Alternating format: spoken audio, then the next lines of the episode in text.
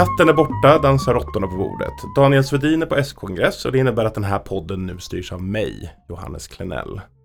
Varmt välkomna till kommentariatet gott folk, en podd från tidningen Arbetet där vi nagelfar det som händer i ekonomin. Glöm inte att ni kan gå med i kommentariatets Facebookgrupp. Där kan ni kommentera avsnitten och lämna tips på opinionstexter vi ska diskutera. Men jag är, trots Daniels frånvaro, inte någon ensamseglare på ekonomins hav. Med mig har jag Myra Åbäck Öhrman. Hej. Lotta Ilona Häirinen. Hej hej. Och Ali Esbati. Hej hej. Hur känns det att vara här? Det känns mycket bra. Det, det, känns, eh, det känns skoj och eh, viktigt. bra och viktigt, viktigt som det skrivs på Twitter. Om jag säger jag häpnar ändå över hur han kunnat få för sig att spela in en hiphop-låt om sig själv för att visa att han är på kidsens sida. För hiphop är ju musik vars hela idé bygger på att den kommer underifrån. Att den spottar något i ansiktet på auktoriteterna. Vad tror ni jag pratar om då? Just det. Håkan Stens recension av Jan Emanuels valkampanjlåt från 2011 med feta rader som Vi måste hitta vägen till våran frihet. Jan Emanuel, han som ser, han som vet. Uff. Idag ska vi nämligen prata om hiphop. Men först tar vi och reser till Göteborg. För vi ska börja med att prata om Håkan Broströms text Moderaterna anpassar sig till verkligheten. Och den publicerades i GP-ledare den 25 oktober. Ingressen lyder Moderaterna anklagas för att ha blivit för konservativa eller ha närmat sig SD för mycket. Men i sak är kritiken tunn. In, en inte oväsentlig orsak till partiets positionsförflyttning är att väljarbasen till höger förändrats. Vad tyckte ni om den här texten? Alltså det är så himla märkligt eh, på, på flera sätt. Eh, framförallt för att den liksom framställer Moderaterna som att de inte riktigt är aktörer i politiken, utan det är så här någon, någon går upp på morgonen, slår upp tidningen till, till kaffet och bara, ja, verkar som väljarna har rört på sig, jag får väl liksom förhålla oss till det. det. Det är ju en otroligt konstig beskrivning av de ganska dramatiska saker som har hänt eh, i Moderaterna och med Moderaterna och deras förhållningssätt till, till det politiska landskapet. Den osar ju också av eh, hat mot Dagens Nyheter. Eh, och, och det behöver man inte skämmas över i sig nödvändigtvis men jag tänker att det är ju bra att läsa det man, det man kritiserar eh, kanske. Hur tänker du då? Ja men alltså han, han, han den stor, en av de bärande teserna i den här texten är ju att, eh, att det finns ju egentligen ingenting i sak eller konkret som Dagens Nyheter kritiserar i sitt egna moderathat som de nu torgför eh, nästan varje dag om man ska lita på den här texten.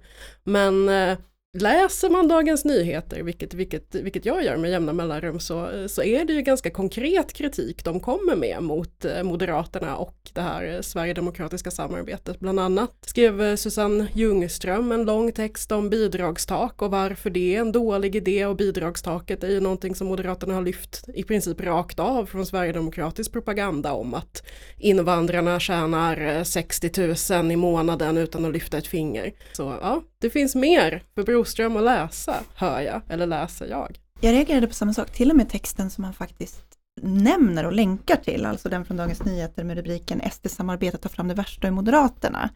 Eh, den, det är ju bara sakpolitisk kritik, hela texten. Och det avslutas ju med samarbetet med Sverigedemokraterna innebär att moderata företrädare sätter sig i intervjuer och bortförklarar partiet, partners rötter och rasism. Någon sakpolitik för att ta tag i Sverige producerar det heller inte. Så att hela den texten som Håkan själv länkar till är ju en kritik mot att Moderaterna inte har någon vettig sakpolitik och så nämner de massa frågor där de har dumma åsikter.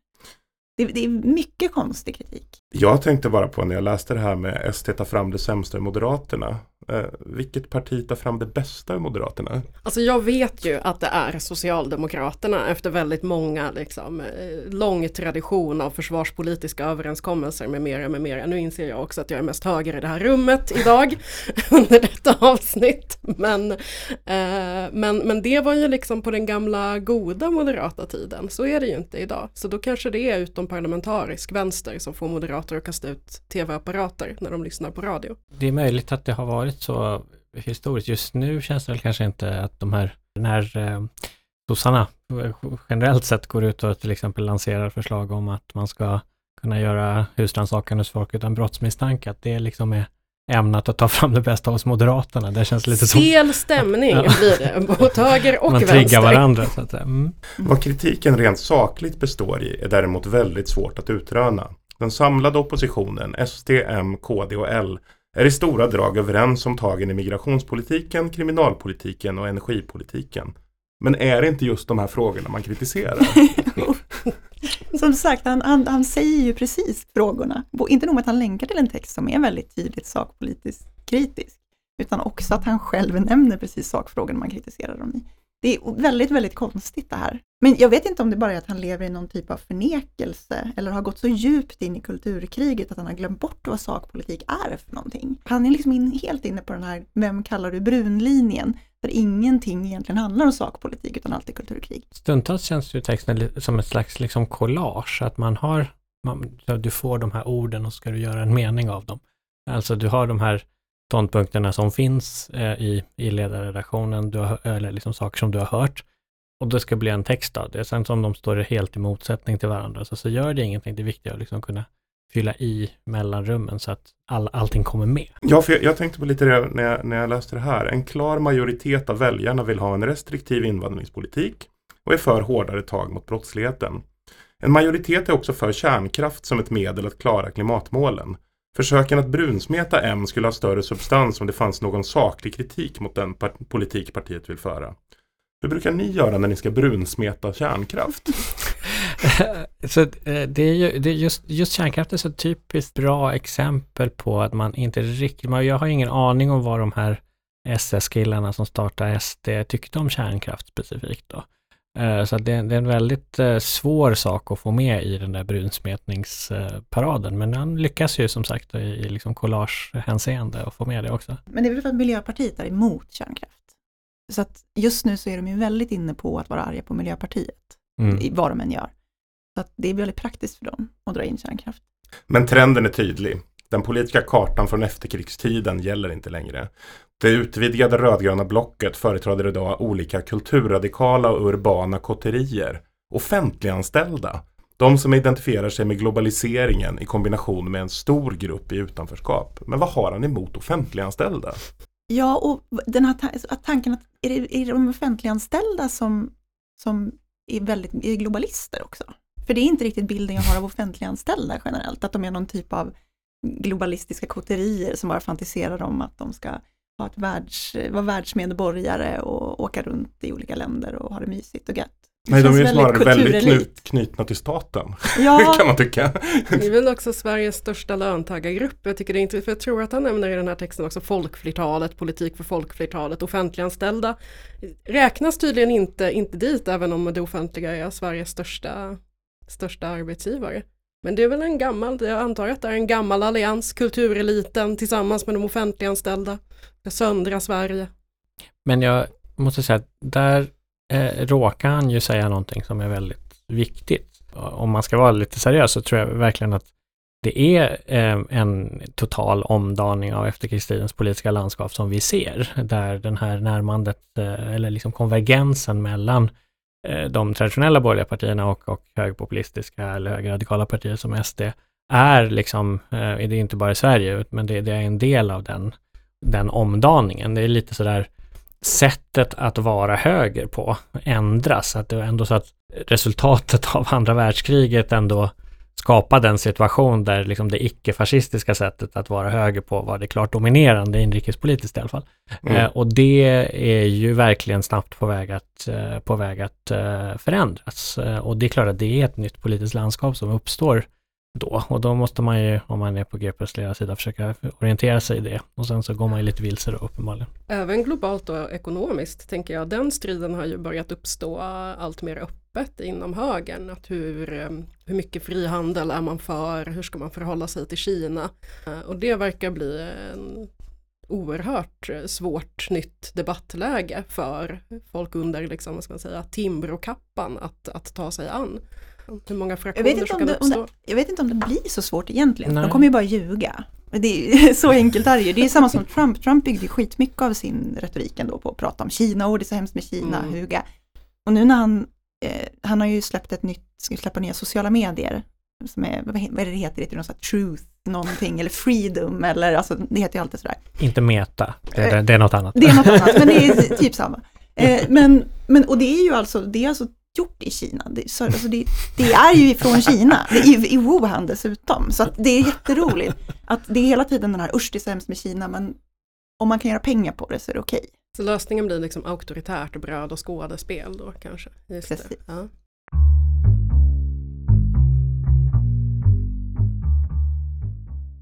Men, men jag tycker också det är intressant att han skriver här samsas de som vill ha billiga tjänster utförda av utomeuropeiska arbetskraftsinvandrare och de som inte vill se allt för kraftiga åtgärder mot bidragsfusket eller bidragssystemen. Alltså finns det något parti som inte vill se kraftiga åtgärder mot bidragsfusk? Ja, det beror lite på hur man ser det, men det där som man beskriver är ju moderata kärnväljare. eh, ja, men folk som vill ha liksom eh, en, eh, en liten piga hemma och helst eh, ser att ingen eh, utreder det som, som, som problematiskt. Men det är klart, menar, han, han tänker sig att eh, bidragsfusk är allt annat än det som moderata kärnväljare ägnar sig åt.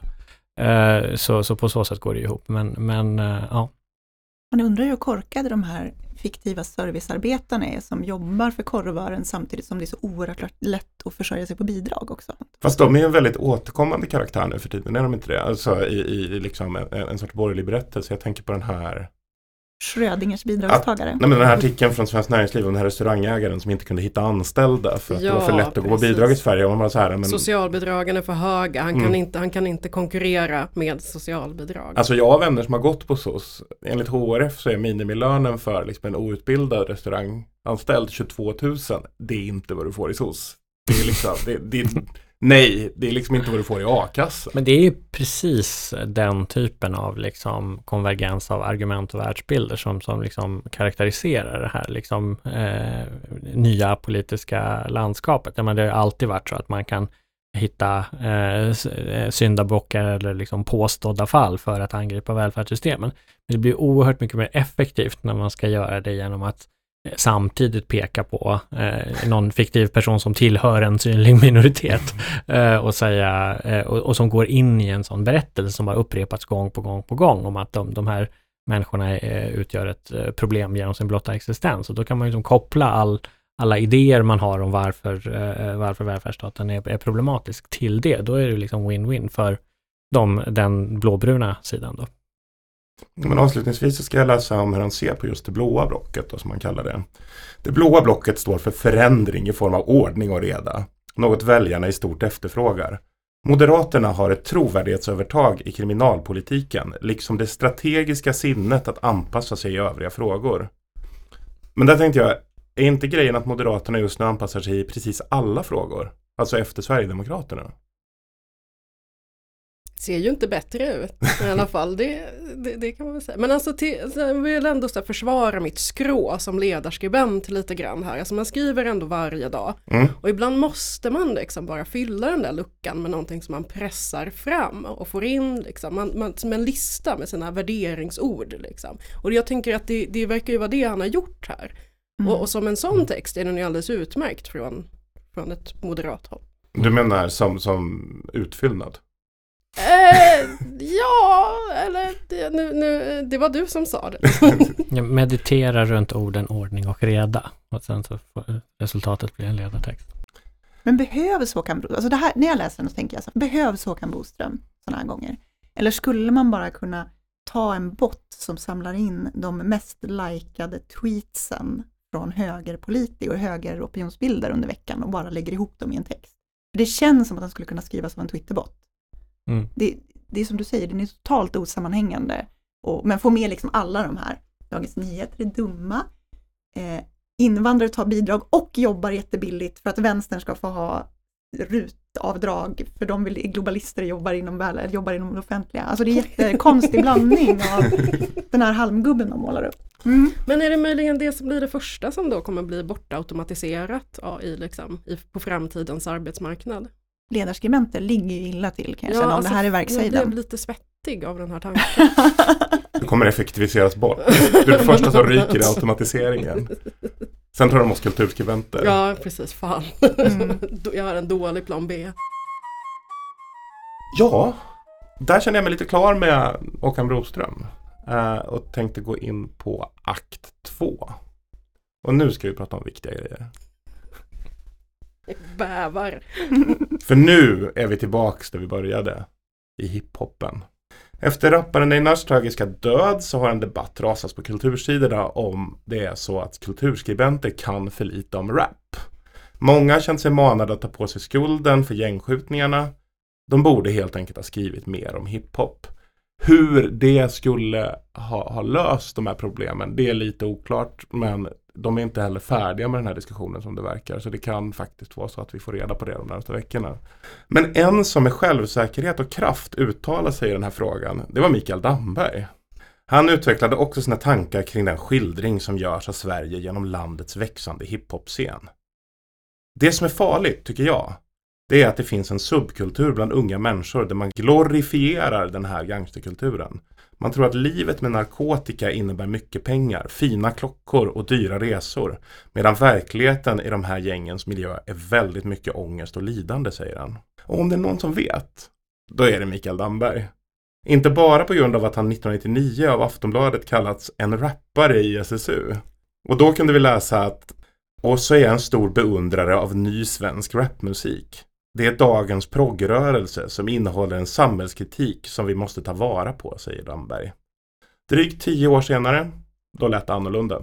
Så Mikael, upp till bevis. Rappa för oss. Ja. Kom igen då. Nej, den får Kom ni inte. igen. Jo men rappa! Det är klart du ska rappa! Den frågan fick jag redan 99 och det vägrade jag göra då. Så att jag, lite självinsikt har jag. Eh, Så du har inte förberett, du har haft så många år på dig att förbereda en En rap. liten vers, du kan rappa den där eh, julrimmen. Jag kan köra som Carl Bildt och köra fyra buggen Coca-Cola istället. Okej, jag tar det. Fy fan vilken mardröm att ha varit så här. Gjort sina hundår i politiken, vässat sina armbågar, myglat inför kongresser, läst för många handlingar och sen sitta i P3 och bli hetsad, alltså verkligen så här högstadiehetsad av typ, är, är det Jonathan Unge? Jonathan Unge och Nanna Johansson. Men eh, den här, det här citatet om hur det, hur det är i gangsterkulturen. Min bedömning är väl att det i alla fall inte är exklusivt för gangsterkulturen att eh, ha ångest och lidande. Eh, men, eh, men det kanske, det kanske bara jag som känner att det inte, att det finns även andra grupper i samhället där ångest och lidande finns. Du är ute på hal is nu Ali, för du antyder någonstans att det alltså inte är så att när man sätter toner till någonting så blir det på riktigt. det är riktigt farliga grejer faktiskt. Ja, det är farliga grejer. Eh, men, Men, det men, mest farliga är ju uppenbarligen att eh, jag har analyserat eh, texterna allt för lite i, på kultursidorna, för det hade kunnat liksom lösa problem. Alltså jag ser liksom framför mig Tensta centrum när jag växte upp, att om det hade varit så att man hade kunnat stå där och, och, och ha liksom Svenska Dagbladet eller DNs kultursida, gå igenom texterna ordentligt, då kanske man hade fått en annan utveckling i samhället. men är det några som har koll på hiphop, då är det faktiskt sossar. Vad kan ni om sosserappen? Mer än jag någonsin hade önskat. Och ändå inte särskilt mycket. Tycker det är ett viktigt kulturarv. Kommer vi nog lära oss under avsnittets gång här. Vi går på en eh, första sosserapp. Gud som haver barnen kär, men alliansen lämnar de yngsta i misär. Björklunds, Björklunds misslyckade skolprojekt skylls på barnen. De är lata, de behöver ordningsbetyg för att klara av kunskapskraven. Det här är alltså Margareta Rönngren, tidigare socialdemokratiskt kommunalråd i Umeå, när hon battlar en kristdemokrat. Fantastiskt YouTube-klipp som jag fick av dig faktiskt Lotta. Ja, men jag, jag gjorde lite egen research inför det här eh, och eh, det går ju att hitta mycket. Det jag egentligen försökte leta efter var, var en mytomspunnen valrap från, från 80-talet. Men arrangören bakom det här, verkligen, men hon hade, jag tycker att projektet var supersympatiskt. Att hon hade så här, hon hade, hon har, det är arrangören som har raggat upp de här lokalpolitikerna Eh, finns, en, eh, finns två klipp som jag förstått det. En S versus KD och en där Centerpartiet rappar mot eh, battlar mot någon annan. Eh, och hon hade sagt till dem att men ni är så, ni, jag tycker att ni är så taskiga mot varandra hela tiden så ni får komma på det här evenemanget och battla ut era, era problem. Jag gillar det konceptet, jag gör faktiskt det. Sen är det tråkigt att internet så att säga aldrig glömmer. Så, men, Det är väl snarare tråkigt att de är så dåliga på att rimma, tycker jag. Varför? Hon, hon, hon har alltså barnen och hon väljer att rimma det på kraven istället för typ examen. Det är ju jätteinkompetent. Det är så här, jag, vill, jag vill känna att mina politiker är kompetenta och det här får mig inte att känna att de är kompetenta. Ja, för man säger ju att rappen påverkar unga människor att bli kriminella. Men hur sugna är ni på att bli sossar när ni hör det här? Sveriges största parti. Mm. Jag säger inte att det är tack vare rappen, men jag säger inte inte att det är det. Tänkvärt. Bra, för det för oss in på en liten odyssé som vi ska göra genom socialdemokratins hiphop-historia. Och den börjar faktiskt redan med Olof Palme. Fördomen har alltid sin rot i vardagslivet. Den gror på arbetsplatsen och i grannkvarteret. Den är ett utlopp för egna misslyckanden och besvikelser. Den är framförallt ett uttryck för okunnighet. Redan Palme rappade alltså. Mm. Även om det är lite av en efterhandskonstruktion såklart, som det här är gjort av Latin Kings, så, så får man ändå ge honom att Palme var hiphop, eller? Palme är oerhört samplevänlig har jag insett. Jag har ju en av eh, killarna som jag brukar livestreama med gör ju musik och han har, gjort, eh, han har uppfunnit en genre som jag kallar för Palme Wave som också är samplad Olof Palme. Eh, och det funkar ovanligt bra. Ja men även Kartellen har väl samplat in Palme i någon hiphop-låt. Så, så uppenbarligen är den Eller alltså- otroligt hiphop-kompatibel. Mm. Och, och därigenom givetvis en rappare. God kväll kära svenskar, här är jag igen. Den manligaste mannen som finns ibland män. Allt vad jag säger är riktigt och rätt. Glöm Kalle Bildt, han är bara en sprätt. Han kan flyga och fara sin kos. För här kommer Sveriges rap. Känner ni socialdemokrater inom er? Det, uh, han skrevs väl om Ingvar Carlsson som eh, socialdemokratins gud i Svenska Dagbladet idag. Det man ju. Men eh, får man fråga om inte det här också är lite av en efterhandskonstruktion? Det här är till och med en imitatör. Ehm, Men grejen är att han, han gjorde ju någon grej på en partikongress iklädd en slags peruk. Eh, som blev väldigt eh, uppmärksammat. Så jag tror att det där är ett slags eh, liksom blinkning till, till det. mm. Ingvar Carlsson, hiphop, kan vi bocka av Absolut. det. Ja, gud ja. Nästa partiledare, Göran Persson, han har ju kanske inte spelat in sin rap. Även om det är så här, jag vet att det finns även här en imitatör På Aftonbladet lät läsa in hela den här texten. Men han svarade ju Timbuktu i rapform. Sverige är ett tolerant land, men inte sant Göran. Du kan väl säga till George ibland som representant. Du är ju vald av folket man. Förresten sluta tracka de som röker holk ibland. Jag menar fortsätt att sparka högerns röv för fan. Akta dig för nazisterna, de får ju överhand. Är det inte otroligt tidigt 00-tal att skriva en rap som är ett öppet brev till statsministern? Ja, det, det är också, jag tror att också att det är typ bland det svenskaste man kunde göra på den tiden. Det svenskaste är ju att han faktiskt svarar på det, får man väl ändå säga. Nej men för det, visst, man, man måste väl ändå säga någonstans att, det, att, att rappen har väl gjort en resa. Det känns ju lite som att, att om vi tittar på liksom den rap som breakade när rappen slog igenom under slutet på 90-talet. Det är ju ganska mycket mamma i bibliotekarievarning på de hiphopparna någonstans. Alltså, ingen diss i övrigt men det, men det finns ju någonting lite Bror Duktigt i det här med att, att liksom skriva ett öppet brev till Göran Persson och förvänta sig svar någonstans också. Och sen få det. Ja, det gjorde han rätt i. Ja. Mm. Säkert diarieför.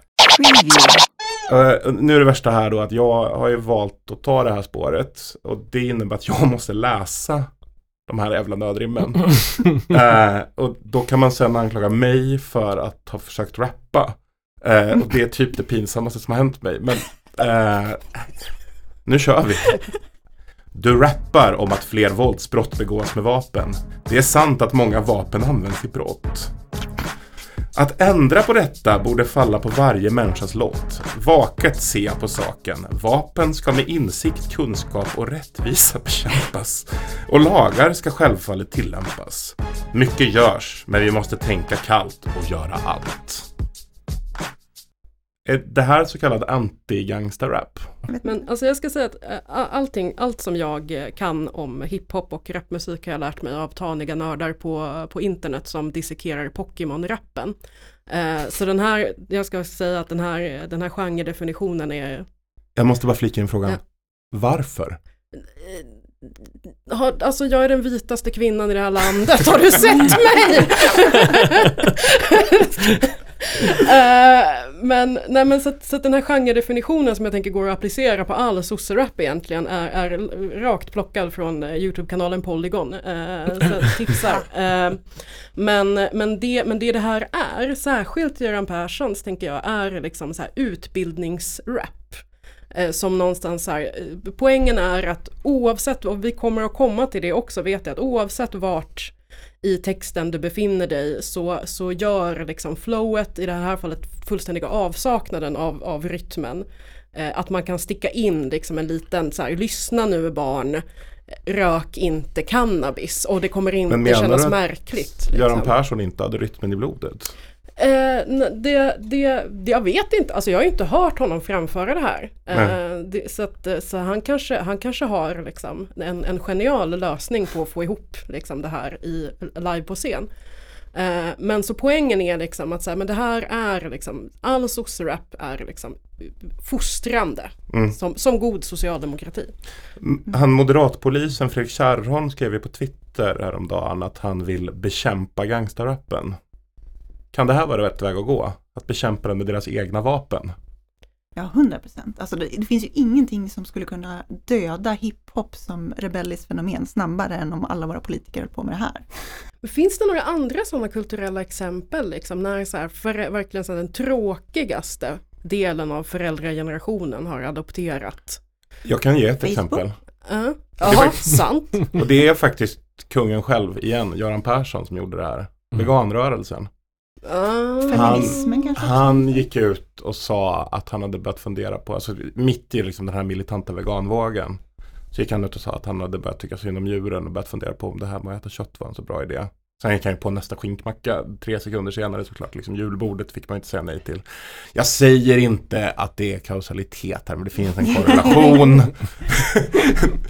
eh, kanske var det för att jag själv blev lite äldre och slutade röra mig i de kretsarna ungefär lagom med att det här hände och att de också blev äldre i samma veva. Men, men jag upplever att, att efter hans utspel där så dog nerven kring liksom, den militanta veganismen. Eh, fortsätter rappa lite här. Mm. EU är en del av världen och tryggar fred. Därför tror jag på EU och i euron vill jag vara med. Chansen att nå en rättvis värld för, får vi inte försaka. Alla, även företagen, måste ta sitt ansvar. Det är min moralkaka. Det här är ju nästan kompetent eh, rimbyggnad. Får man ju säga. Versmåttet är ju nästan bra här. Mm. Vem är det? Är det där Per Nuder? Eller? Nej, det är fortfarande Göran Persson. Det är fortfarande Göran Persson. Alltså, alltså det, det, skulle ju kunna vara Per Nuder som har skrivit det här, det vet vi ju inte. Det jo, men jag vet ju vem som har skrivit det här. Mm -hmm. Jenny, Jenny Åkervall heter hon. Uh, Står hon för det här än idag? Jo men det tror jag, eller det här, det här är liksom säkra rykten bland annat där hon själv har sagt det, detta i DN så att det är liksom inte, eh, inte ens eh, genom särskilt eh, grundläggande researcharbete jag fått fram det här. Hon var talskrivare åt Göran Persson då och eh, hade också en gång i tiden eh, min gamla tjänst som redaktör på Frihet. Ja, det är cred. Mm. Men Ali, har Vänsterpartiet övervägt den här kommunikationsformen när ni skulle förklara att ni ändå var lite för EU här om året? Ja, men eh, nu får vi ju lägga ner det eftersom det läckte ut. Så, annars hade vi kört på det hela vägen. Vem hade rappat? ja, det är en bra fråga. uh, men vad är egentligen Vänsterpartiets estetiska uttryck? Ja, alltså den här gamla KPML-ledaren Frank Både sa en gång att vänster, alltså VPK då på den tiden var ett parti för bögar och allergiker. ehm, och det, jag tänker att då kommer man ju, skulle man kunna ta det, de segmenten så är man ju nära egen majoritet. Så att, Vi fortsätter rappa med Persson. Du rappar om den ondskefulla presidenten av USA, herr Timbuktu. Här måste du dig besinna. I grunden är ingen ond, varken man eller kvinna. Jag har träffat Bush och det var intressant. Men våra åsikter skiljer sig ofta markant. Han gör nog det som är bäst för USA. Det är därför euron jag vill ha.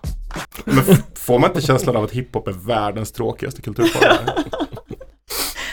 Jag, för, ja, jag förstår inte heller vad är kopplingen till att Bush vill vad som är bäst för USA och därför så vill Göran Persson ha euro. Är det möjligen liksom de första steg in i liksom en europeisk försvarsallians? är det NATO-propaganda? Liksom? Eller vad, vad möjligen anti-NATO-propaganda tänker jag. Mm. För han, han dissar ju ändå, alltså det är ändå en liten diss mot Bush. Han är snäll men prioritera USA, därför måste vi prioritera oss nej till NATO. Ah. Men, men, Är det alltså Timbuktu som är i grunden ansvarig för militariseringen av EU? Kanske, men jag faktiskt, jag tycker, så nu, jag, jag, tycker, jag tycker liksom att, eh, att Persson ändå satte ett, ett, eh, ett finger på, på ett problem eh, i, i Timbuktus ursprung, ursprungstext här. Jag ska, jag ska läsa några stycken som, som ringer in det här. Eh, du rappar att jag är ledaren som ska leda rätt. Ja, jag är vald till denna position, men det är tillsammans vi formar vår nation. Och sen hoppar lite längre fram. Du skriver att det går rykten om vår välfärdsslut, men slumpen avgör inte hur det kommer se ut. Det är trots allt du och jag och svenska folket som bestämmer hur vi ska ta våra kliv. För att vi ska få goda och trygga liv. Enighet ger styrka. Jag är kanske ledaren, men vi går tillsammans i ledet. Demokratin är vi själva, vår alldeles egen kyrka. vilket flow du har. Märks att du är sossen i rummet. Ja. Men vänta, är inte det här bara Håkan, Håkan Boström undanflykten? Nej men, nej, men det för det är här... faktiskt, jag kanske är sosse och jag kanske är statsminister, men det är ju folket som styr. Men Det det han, det, han säger, alltså det han säger är ju att Timbuktu, Timbuktu är ute efter en stark ledare men nu lever vi faktiskt i en demokrati och då får man det folket röstar på. Även om det är skit, så att säga. Det säger jag inte att nödvändigtvis att Persson var det, men, men, men han, Han an, han anklagar ju Timbuktu för vissa fascistiska tendenser. Men han, han var ju själv statsminister. Så Ja, han, pekar ju på, ja just det ja. Men han, han menar tyvärr kan vi inget göra. Men, För att, för att men att, att man, man kanske inte Folket inte nödvändigtvis vill ha en alldeles för stark ledare som statsminister. nej, det, det tror jag, eh, det var bra sagt, tycker jag, av Göran Persson. Ehm, så lite out of character, men, men ändå. det var ju någon annan som hade skrivit där. Så. Ja, just. Ja. Men, men om man drog igång Irakkriget, då är man väl ändå lite ond? Han ville det bästa för USA ändå, Ja. fick vi höra. Hårklyveri, nej men ja, nej men det måste man väl ändå kunna våga, våga säga fortfarande i det här landet. Jag tycker att han får väldigt mycket feeling när han skriver om weed sen. När han går på det här med... Som sagt, utbildningsrapp, man kan alltid få in en rad om weed utan att det verkar alldeles för konstigt. Du skriver att Sverige är tolerant och jag ska sluta tracka de som röker holk ibland. Sverige är tolerant, ja det är sant. Och det har jag sagt till George ibland. Som representant av folket, man. Men jag tänker aldrig sluta tracka de som röker holk. alltså det här är årets julklappsrim till någon kompis från Liberala ungdomsförbundet. Det är liksom bara att slänga över det till dem. Ja, men du har ju vänner i den falangen. Det är väl liksom... Ja, perfekt. De, jag tänker Luft tryckte upp sådana här eh, cigarettvarningslappar, eh, klisterlappar där det stod jag röker bara för att jävlas med Annika Strandhäll. Och jag tänker att det skulle kunna jag kommer aldrig sluta tacka de som röker holk är också väldigt bra. Det är Citat Göran Persson. T-shirtmaterial. Verkligen t-shirtmaterial. Ja, Eh, det var det är väldigt självuppoffrande också, det som luffarna gjorde när de klädde ut sig till stora cigaretter på Almedalen och rökte bara för att jävlas. Ja, var Då fick han gå ut och säga, jag är, jag är till och med astmatiker. Det är det här som är så kul, jag reagerade på det i veckan för det var ju några från Ex- Extinction, Extin- Extinction Rebellion som hade gjort en sån här flygplansaktion Mm. för att stoppa flygplan. Och då satt hela höger Twitter och var så här, gud vad töntigt, och kolla på den här töntiga aktivismen, de tror att de gör någonting. Och, och så började jag bara tänka på så här, ska ni, är ni verkligen, är det inte lite sten i glashus? Här, era aktioner är väl inte så jävla coola heller, för det är så här, nu ska vi lägga skor utanför riksdagskansliet för att Annie Lööf har sagt någonting, eller vi ska klä ut oss till cigaretter och röka bara för att jävlas med Annika Strandhäll. Alltså, lite så känner jag att det kanske inte är rätt falang för att gå ut och prata om fånig aktivism ändå. Nej, det var fånigt att förbjuda rökningen på uteserveringen oavsett. Så Ja, jag håller med. Det, där gjorde ni fel. Här kommer de, nackskotten från vänster. Stå till svars för alla socialdemokratins synder. Ja, hur fan tror du Annika Strandhäll kände då? Ja. Men vad känner ni efter att ha tagit in Perssons rim? Blev ni inspirerade?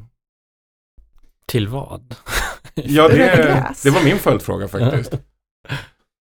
Om vi ska gå på logiken att det här är sättet att göra hiphop töntigt, så måste du också göra weed coolare.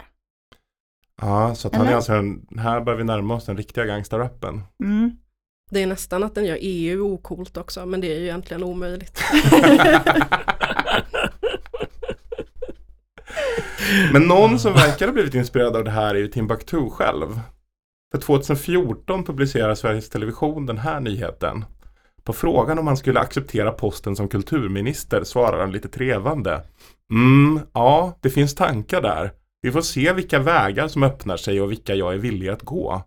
Men det kan vara mycket möjligt, så, mycket möjligt vara så att jag, att där jag är idag, där jag utifrån kan, utifrån kan agera med min megafon är mest effektiv, säger han till DN. Och han vet inte hur bra han skulle trivas i politiken. Jag kanske skulle ångra mig bittert för att det inte alls är lika kul som att sitta i studion eller uppträda på Bråvalla. Vad föredrar ni? En rappande Göran Persson eller en skön kille i riksdagen? Rappande Göran Persson, 100 procent. Ja. Jag tycker det är för mycket sköna killar överallt annars. Så det, kan man ha så här tråkiga människor. Det tycker jag. Det tycker jag är på kravlista nummer ett. Alltså för att bli politiker. Mm. Lite lagom trist. Dålig på att rappa. Men jag kommer ihåg Tack det för här. förtroendet. Ja, det, du gör ett bra jobb. Men jag kommer ihåg det här, eller, för jag vet att eh, alltså, Timbuktu gick ju med i Socialdemokraterna ett tag. Eh, Jag vet, oklart om han är kvar. Var han inte Eh, miljöpartist året innan också? mycket möjligt. Men jag kommer ihåg att det uppstod en intern debatt i, inom S då när det här hände och folk var så arga på idén att Timbuktu ens liksom skulle kunna bli eh, liksom någonting högre än en person som behöver göra sina tio år, koka kaffe på, på medlemsmötena först. Att det liksom verkligen var en stor intern debatt om på vilket sätt ska man få komma in i politiken och kan man verkligen liksom flyga på sitt kändisskap inom socialdemokratin? Är vi inte en folkrörelse? Etc, Nej, han borde ju ha testat Folkpartiet. Men jag tänkte, det hade ju varit lite roligt om en uppföljningsintervju två år senare, bara så här, hur, hur är det där med kulturminister? Och så här, ja, men eh, nu, nu är jag faktiskt ersättare i exploateringsnämnden, så det, jobba för det. 15 år kvar. Men det är ju väldigt roligt att han liksom så här utan att ha bestämt sig för vilket parti han ska kandidera för har funderat lite på det här med att bli kulturminister. Men fan tror han att han är? Thomas Bodström? Men apropå sköna killar så kommer vi vidare till nästa partiledare nu. Och det är ju Mona Sahlin. Och då är det ju rapparen Feven.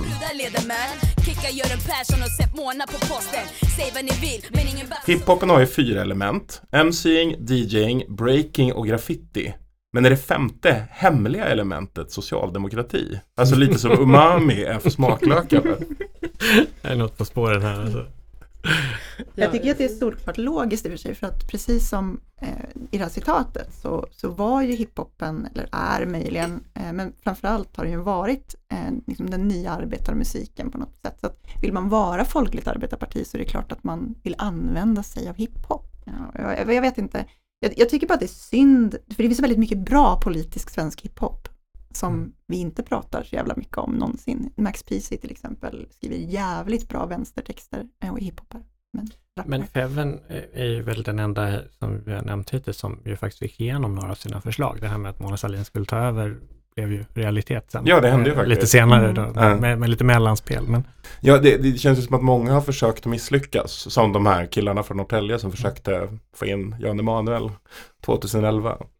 Men jag tycker också att det finns en poäng, alltså just det Myra tar upp om antietablissemangs eh, eh, spåret eller just att, så här, att, att beskriva, nu får man väl inte säga det i det här landet eh, längre, men att faktiskt beskriva verkligheten och liksom där man befinner sig i, i ett samhällssystem som faktiskt exploaterar en viss grupp människor i väldigt hög utsträckning. Och det, så här, absolut att man kan, man kan alltid förstå liksom eh, de eh, töntigaste elevrådarnas önskan när de sen blir politiker att liksom appropriera de här kulturformerna, inte, alltså inte bara för att eh, för, för att det är hippt och coolt utan, utan kanske också för att försöka bredda sina gemenskaper om man ska, eh, om man ska läsa in det snällt eller liksom så. Men, eh, men det funkar ju, alltså det är inte maktens språk. Jag tror inte att det kan, alltså det kan inte vara det utan att det liksom blir Jay-Z som rappar på MoMA. Och det är något annat liksom. Mm. Det blir ju skryt hiphop. Då är det uppe i det där när man ska skryta över hur många bitches man knullar och hur mycket eh, pengar man har och sådär. Och det kan man inte göra om man är sosse heller riktigt. Men det blir mer den här Will Smith-varianten. Han byggde ju sin karriär på att inte vara gangsterrappare på 90-talet. Alltså liksom och rappa om att, så här, att föräldrar inte förstår. Möjligen den. Det, det Och skulle, vilda det västern. skulle, det, ja, precis, och vilda västern, det skulle S kunna, kunna inspireras av. Mm. Men jag, jag tänker att det finns en aspekt av, av liksom distans där eh, som gör att det ändå är eh, de socialdemokratiska politiker som, som försöker sig på själva. Alltså jag, menar, jag tänker, om jag tänker, det har ju funnits liksom musikkategorier som definitivt har varit per definition sådär maktkritiska, alltså te, så ta punk till exempel då. Det har ju liksom udden åt, åt lite, lite olika håll eh, och kan liksom uppskattas av olika typer av liksom politiska rörelser. Men det är inte så ofta man har liksom sett liksom socialdemokratiska kommunpolitiker pröva sig på att göra valplattform som, som, eh, som punklåt eh, och så. Eh, Medan det, det här är liksom, det känns som att avståndet har varit så pass stort att man, man tänker, ja, kan väl liksom testa, testa och rappa själv också. Jag, jag tänker att det finns någonting där, jag kan inte riktigt sätta fingret på, på vad det är, men, men det är någonting som gör det mer begärligt som, som just approprieringsobjekt. Kan, kan det också- vara det här du vill sätta fingret på? Jag är ett slott, du är en koja. Yee, It's the sound of the police. Förlåt för snut, noja. Skämt åsido. Tack för öppen dörr. Tack från minnena från förr. Tack från en politisk nörd. Tack för dina ord i din spoken word. Här har vi då alltså en trallpunkande socialdemokrat som rappar, Anders Ygeman. What? Jäklar! Oj, ja. Eh, Det, det var, jag tycker det var rätt eh, bra. Bingo! Ja. Men jag tänkte också lägga till att det finns ju liksom socialdemokrater som, som rappar fullt seriöst. Liksom. Alltså det, Säg en. Socialdemokrater som rappar fullt seriöst. Säg en. Nej men, nej, men alltså, så, jag säger inte att det, att, att det är kända personer men alltså, Mm. så här, tittar man ute i landet i SSU-klubbar och så vidare så finns det ju Ja. massa människor som lever i, som, som, liksom, som inte approprierar någonting utan som också engagerar sig, eh, engagerar sig politiskt. Liksom. Jag vet att så här, nu blir jag så här allvarlig i, i, i det här väldigt, väldigt lustiga samtalet men det, kän, det känns fräckt liksom, att, för mig i alla fall att, liksom, att glömma bort att så här, det finns fortfarande folk kvar i, i rörelsen så att säga. Och y, alltså Ygeman är ju, alltså, han är ju ändå liksom tyngst av, av, eh, av riksdagens politiker. Eller han är ändå liksom den enda som skulle kunna ha cred nog att testa det här på allvar. Men jag hoppar en, en bit här nu eh, och kan konstatera att Stefan Löfvens hiphop-historia den är ganska oklar ändå väl? Mm. Finns inte mycket att hämta där. Mm. Eh, när vi spelar in det här så är vi i avgående läge för Stefan Löfven. Så jag tänker faktiskt se till att ge honom en hiphop-karriär.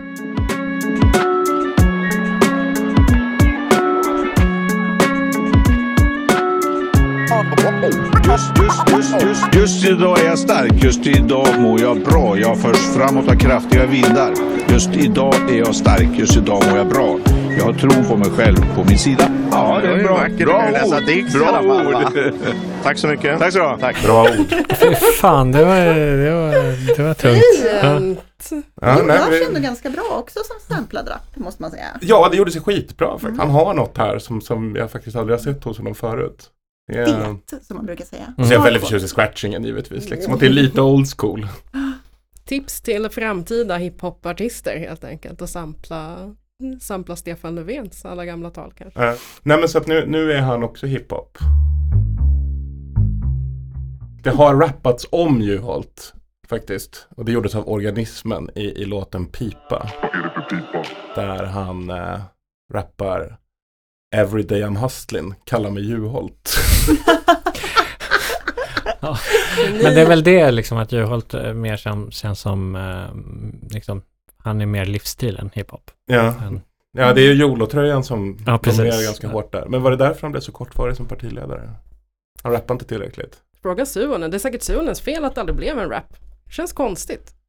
Ja, nej men han ville ju göra något till finkultur. Det var riktigt illa där. När han egentligen såklart bara borde ha rappat. mm. Mm. Jävla idiot.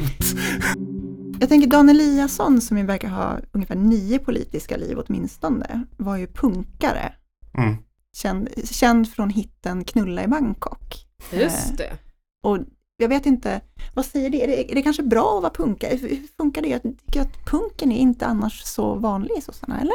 Men Ygeman är ju, han, han skrev alldeles nyligen nu, eh, nu en, en kärlekstext om Thåström och hans kommande, kommande skiva i, i en, Mm. på en ny eh, socialdemokratisk opinionsplattform som heter Rörelsen.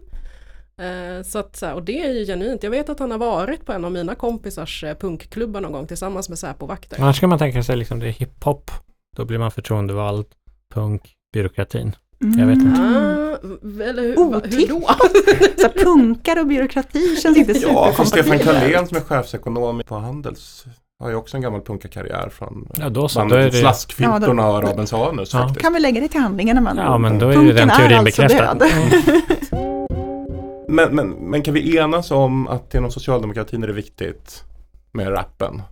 Absolut. Sveriges största parti som sagt. Men är det inte i så fall lite oroväckande att Jonas Sima på Aftonbladets fristående socialdemokratiska ledarsida i en text från 2020 konstaterar att Magdalena Andersson lyssnar för lite på rap.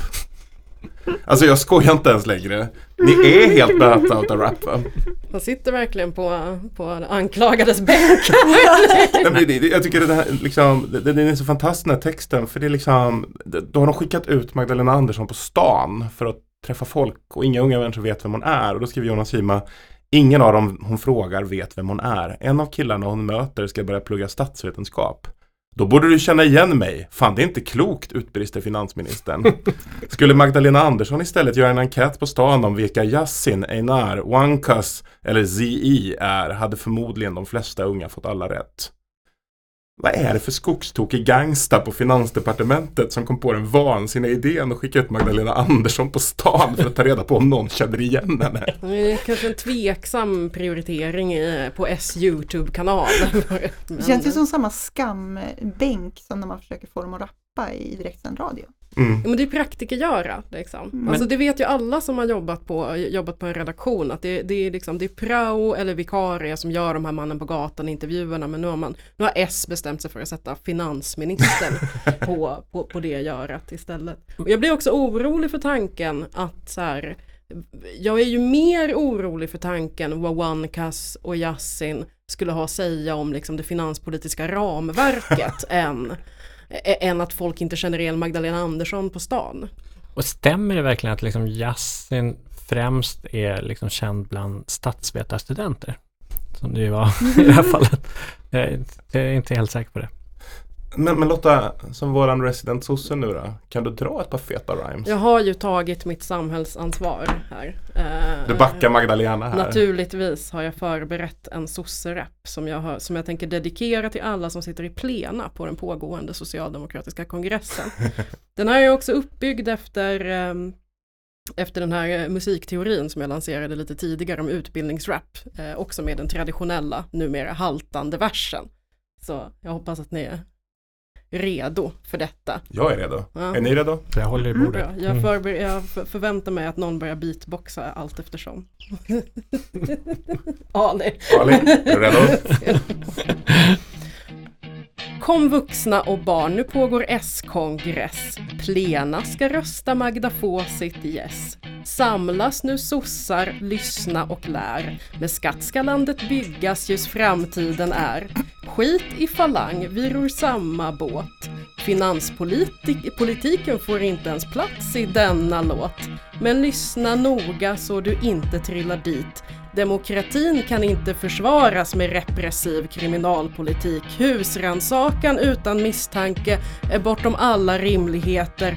Polisen ska inte ha Säpos befogenheter. Mikael Damberg. Utredningsdirektiven du la i tisdags bekände färg, Damberg. Du var framtida partiledare. Jag hade ju ingen mick som vi kunde tappa men eh, det får... Köp streams åt mig. Nu nu ska vi krossa gängen. Så här beskriver Jonas Sima rapartister. Deras låtar är korta och dansanta med brutala texter om knark, stora pengar, brott, hemlöshet och vapen. Videon är ofta inspelade på artisternas hemmaplan, inom citattecken orten. Och man visar upp märkeskläder med tydliga loggor, dyra bilar, tunga guldkedjor, sedelbuntar och siktar med fingrarna som pistoler mot kameran. Känns verkligen hiphop speciellt tufft när det beskrivs så här. Dansant var ett väldigt roligt ord. Det, det tycker jag, tror jag inte de någonsin har använt om sig själva, men det är men kul. Men vem, vem är målgruppen för den här texten? Vem, när hon känner att hon... Magdalena behöver- Andersson uppenbarligen vill lära sig mer om hiphop. Men det finns, alltså jag tycker det finns en poäng med att liksom faktiskt ha koll på vad som händer ute i världen. Sen Mm. vet inte jag om det liksom är nödvändigtvis ska vara liksom vare sig Magdalena Anderssons eller statsministerns liksom främsta kompetensområde och veta vilka kulturyttringar eh, unga, unga vänder sig till. Jag hoppas att hon har medarbetare som har koll. Liksom. Eh, men så den, den poängen visst. Eh, men så här, sen tänker jag stå fast vid, vid mitt beslut att vara den sista kulturskribenten som säger ett dugg djupsinnigt om gangsterrap. Att jag, jag tänker att jag stannar där. Du har suttit i en timme snart. Då. Jo, jo, men jo, nej, vi har pratat om sossrap. Lite gangsta kanske, men inte. De är inte Guds bästa barn, men de gör musiken som tusentals unga idag allra helst lyssnar på. Musiken och konsten kommer alltid att skildra sin samtid. Och just nu är det de här berättelserna som kommer från Sveriges förorter. Även om Magdalena Andersson och hennes politikkollegor inte vill lyssna på rappen så borde de försöka höra vad den säger.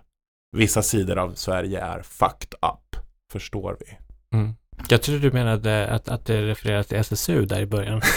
De är inte Guds bästa barn, men har mycket att säga. Ja, men eh, det, det, jag tycker det finns en poäng i, i att eh, liksom ändå konstatera att det görs musik som skildrar, skildrar en del aspekter av verkligheten i Sverige idag. Det är bara det är väldigt konstigt att försöka liksom förneka det eller osynliggöra det. Så att det tycker jag liksom är, är, är rimligt. Men är det inte också så en smula världsfrånvänt att på något sätt försöka definiera all kultur? Alltså, det, det finns ju jättemycket kultur som kommer ifrån eh, alltså, de delar av Sverige där riksdagspolitiker normalt inte vistas. Och det blir väldigt konstigt när man ska försöka kondensera det ner till att det är gangsterrappen.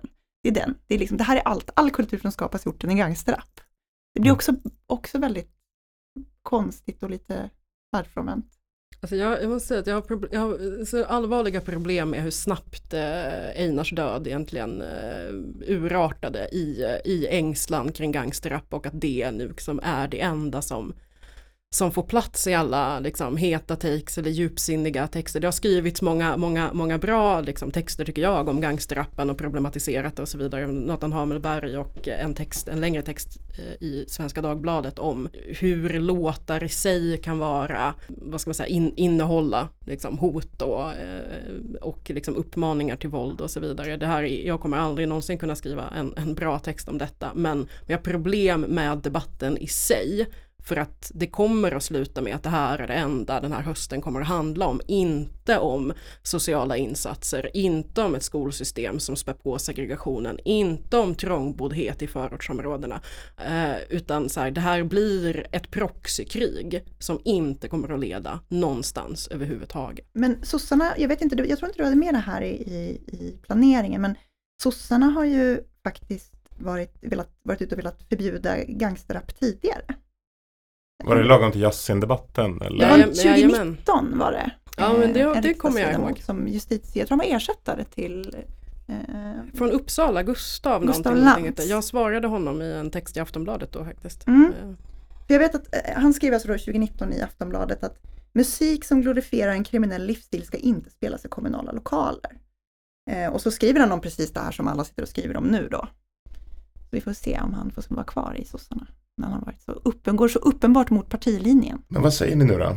Har jag rätt? Är sosserappen en grej? Ja, uppenbarligen. Ja, det, är uppenbarligen. Mm. Bör vi eh, bekämpa Hur det? ska den förbjudas att spela i kommunala lokaler? Men är det inte bra att, att socialdemokratiska toppolitiker får liksom utlopp för sin kreativitet på det här sättet? Kanske sätter sig i en studio en stund. De gör ju ingen skada under tiden i alla fall. Så det sitter garanterat någon tjänstemän bakom varenda sån här instans och låter som Jonathan Unge och bara hetsar på. Rappa dem! Rappa dem! Ja, då ska vi knyta ihop säcken. Hur känns det här nu när det är över? Jag är skakad. Jag känner att vi måste ha mer sociala insatser för att lösa det här problemet. Jag har alltså rappat i en podd nu och jag har möjligen därför begått liksom så här karriär självmord för resten Tvärtom verkar det som. partiledare verkar det som. att det- Ja, Nu är du med i kampen. Ja just det, mot kommer Magda.